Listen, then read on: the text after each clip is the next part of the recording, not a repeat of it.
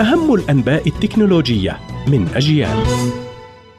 إليكم نشرة التكنولوجيا من أجيال أهلا بكم.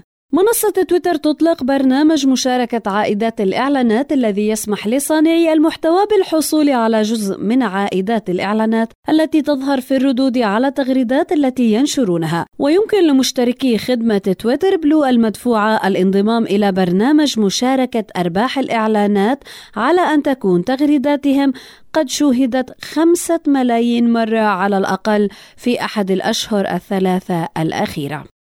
شركة صناعة السيارات الكهربائية تسلا تنتج أول شاحنة سايبر تريك بعد ثلاثة أعوام ونصف على الكشف عنها وأعلنت تسلا في تشرين الثاني 2019 عن شاحنتها الكهربائية الصغيرة. وتمتاز الشاحنة بتصميم كثير الزوايا يجعلها تبدو كأنها قادمة من المستقبل.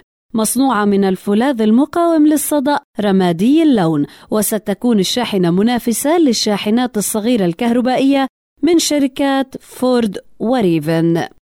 شركة ميتا تعلن عن نموذج جديد للذكاء الاصطناعي باسم CM3leon تقول إنه أفضل نموذج لتوليد الصور بالأوامر النصية ويمتاز النموذج بأداء ذي حالة فنية متطورة لتوليد الصور أكثر اتساقا وكفاءة مع الأوامر النصية ويتطلب حوسبه أقل بخمس مرات ومجموعة بيانات أصغر مقارنة بالنماذج الأخرى.